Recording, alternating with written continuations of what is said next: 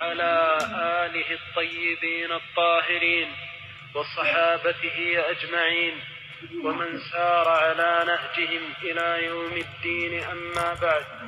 فيقول المصنف رحمه الله عن أنس بن مالك رضي الله عنه قال جاء أعرابي إلى جاء أعرابي فبال في طائفة المسجد فزجره الناس فنهاهم النبي صلى الله عليه وسلم فلما قضى بوله أمر بذنوب من ماء فأهريق عليه.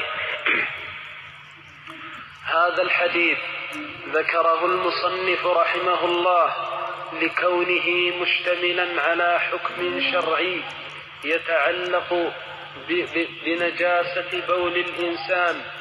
وأنها إذا وأنه إذا أصاب البول موضعا وأراد الإنسان أن يصلي فيه وجب عليه أن يطهر ذلك الموضع.